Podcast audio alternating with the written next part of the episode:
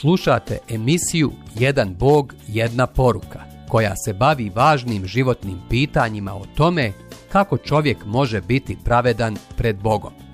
Ako imate bilo kakvih pitanja ili komentara vezano za današnju emisiju, na kraju emitovanja ćete dobiti informacije kako nas kontaktirati.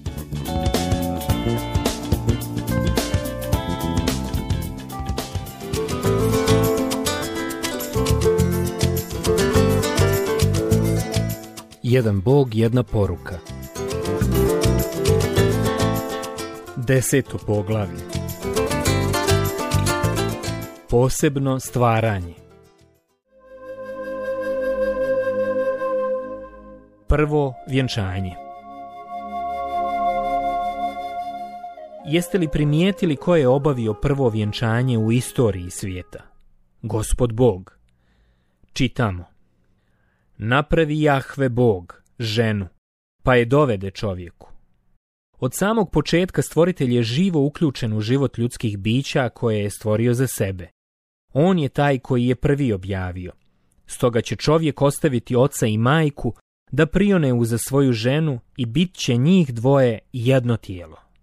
Hebrejska riječ jedno je ehad i ukazuje na puninu, za okruženost, cjelovitost.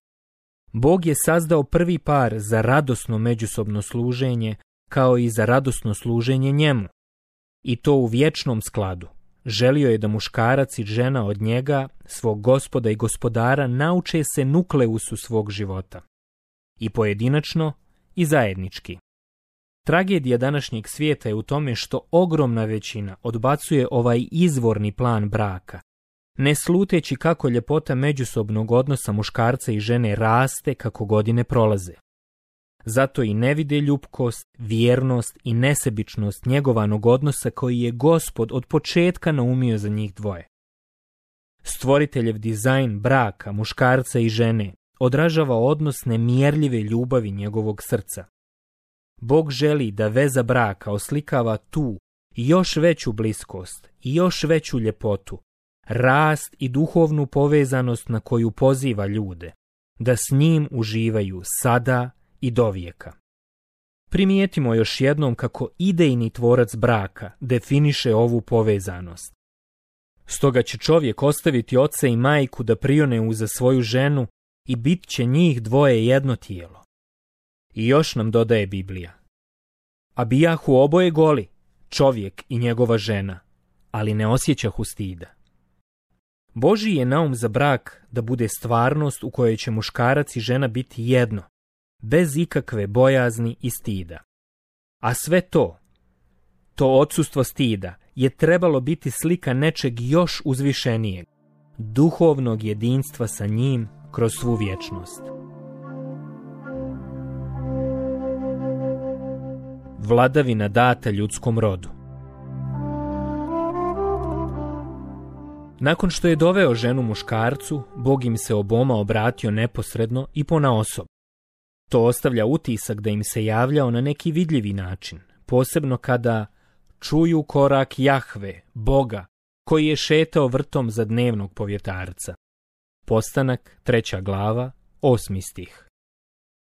Zamislimo samo da ih je u tim šetnjama poveo na neki vrh, odakle su mogli posmatrati savršenu prelijepu tvorevinu.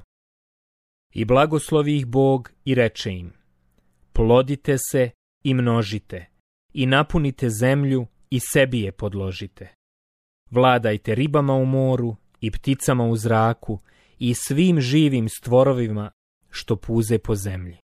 I doda Bog, evo, dajem vam sve bilje što se sjemeni po svoj zemlji i sva stabla plodonosna što u sebi nose svoje sjeme. Neka vam budu za hranu. Postanak, prva glava, 28. i 29. stih. Bog je prvom paru i njihovim potomcima dao odgovornost upravljanja svojom kreacijom. Dao im je privilegiju i odgovornost da budu rodonačelnici sveg ljudskog roda. Dao im je i vladavinu nad svim stvorenim svijetom, a to znači autoritet i kontrolu. Adam, Eva i njihovi potomci su trebali suživanjem brinuti o svijetu i mudro vladati zemljom. Upotrebljavati je, a ne zloupotrebljavati. Stvoritelj je osmislio tvorevinu u skladu sa ljudima. U početku je zemlja bila u potpunosti podložna svemu što je čovjeku bilo potrebno, svemu što je želio. Nisu morali brinuti za naredni obrok. Trebali su samo pružiti ruku i ubrati neki od čarobnih plodova s nebrojenih vrsta stabala. Tvrdo tlo, korov i trnje, bolesti i smrt nisu postojali. Svaki kutak tvorevine je bio podložan prvom paru koji ju je podložio i vladao. Tvorevina bi bila i ostala podložna čovjeku sve dok bi čovjek bio podložan njenom i svom tvorcu. Bog i čovjek zajedno. Od samih početaka Bog je za ljude naumio život bliskog i toplog zajedništva sa sobom. Zato je prvostvorenom paru podario um i srce, intelekt i osjećanja, da bi ga shvatili i voljeli. Dao im je slobodu izbora, volju, kojom je trebalo da odluče hoće li mu vjerovati, hoće li se pouzdati u njega i biti mu poslušni. Mogućnost izbora je bila posebno važna, jer se ljubav i odanost ne mogu iznuditi. Ali da jedno bude jasno. Iako stvoritelju i gazdi sveg svemira niko i ništa nije potrebno, on je duh dubokih odnosa.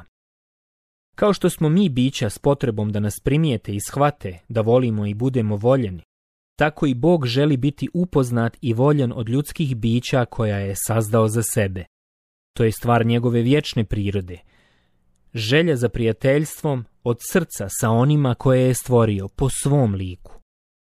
Čuo sam one koji govore, ja sam samo Božiji rob i ništa više.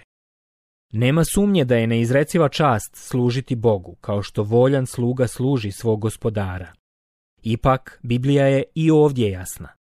Bog nam poručuje da nisi rob, nego sin – Galačanima poslanica četvrta glava sedmi stih. Rob ne ostaje u kući zaovijek, a sin ostaje zaovijek. Ivanovo evanđelje, osma glava, 35. stih. Bog svoje srce otkriva antropomorfnim slikama, ljudskim terminima. I vi ćete mi biti sinovi i čeri, veli gospodin svemogući.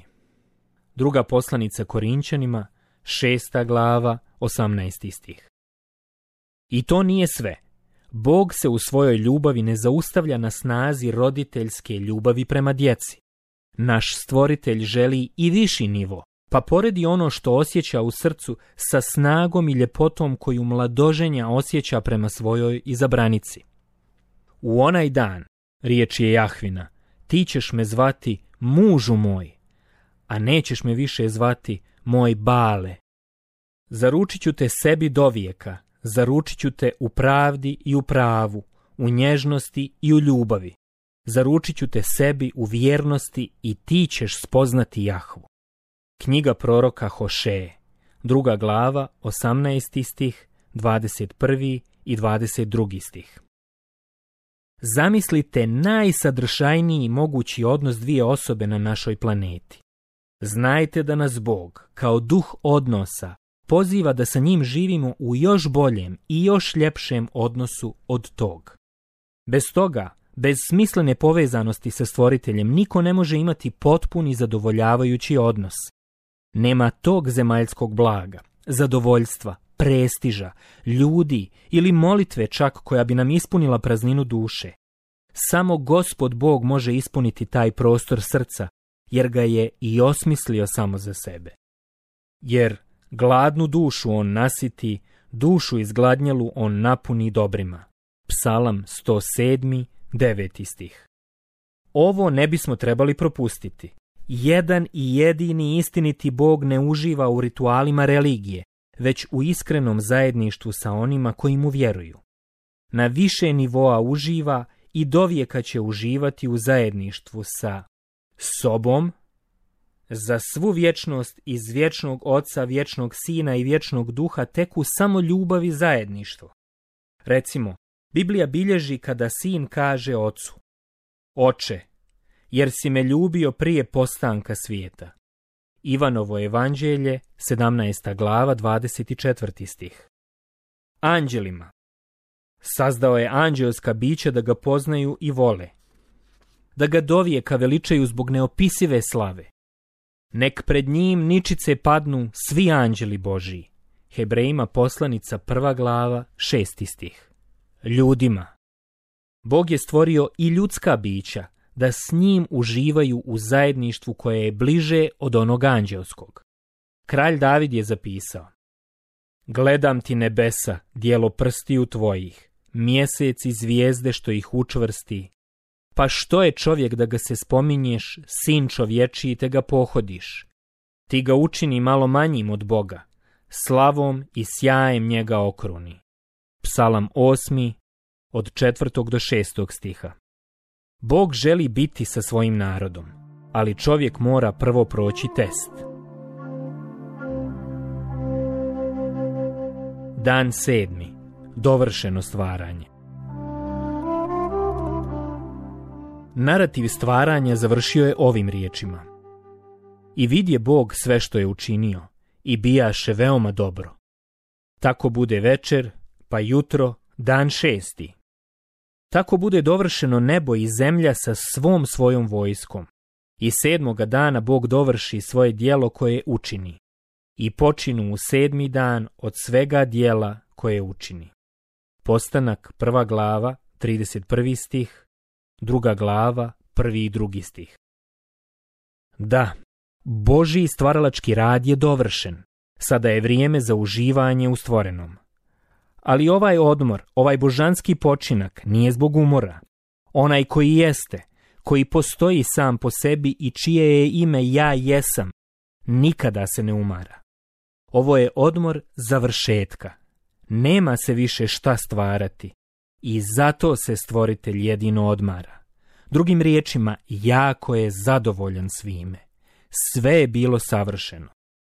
Zamislite savršeni svijet sa samo dvoje ljudi, sa jednim parom koji je privilegovan na sve veće i bujnije prijateljstvo sa svojim savršenim stvoriteljem. Takva nam je planeta u početku bila, ali danas...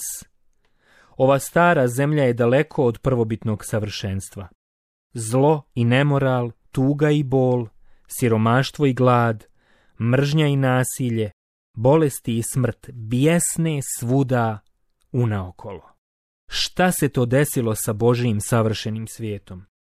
To nam kazuje sljedeća etapa, sljedeća priča našeg putovanja.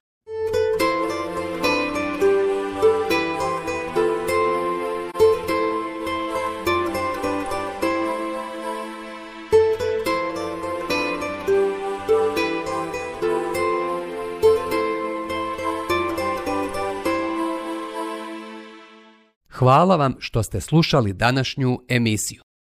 Kontaktirajte nas putem našeg e-maila putpravednosti.bih.gmail.com ili putem naše Facebook stranice Put pravednosti.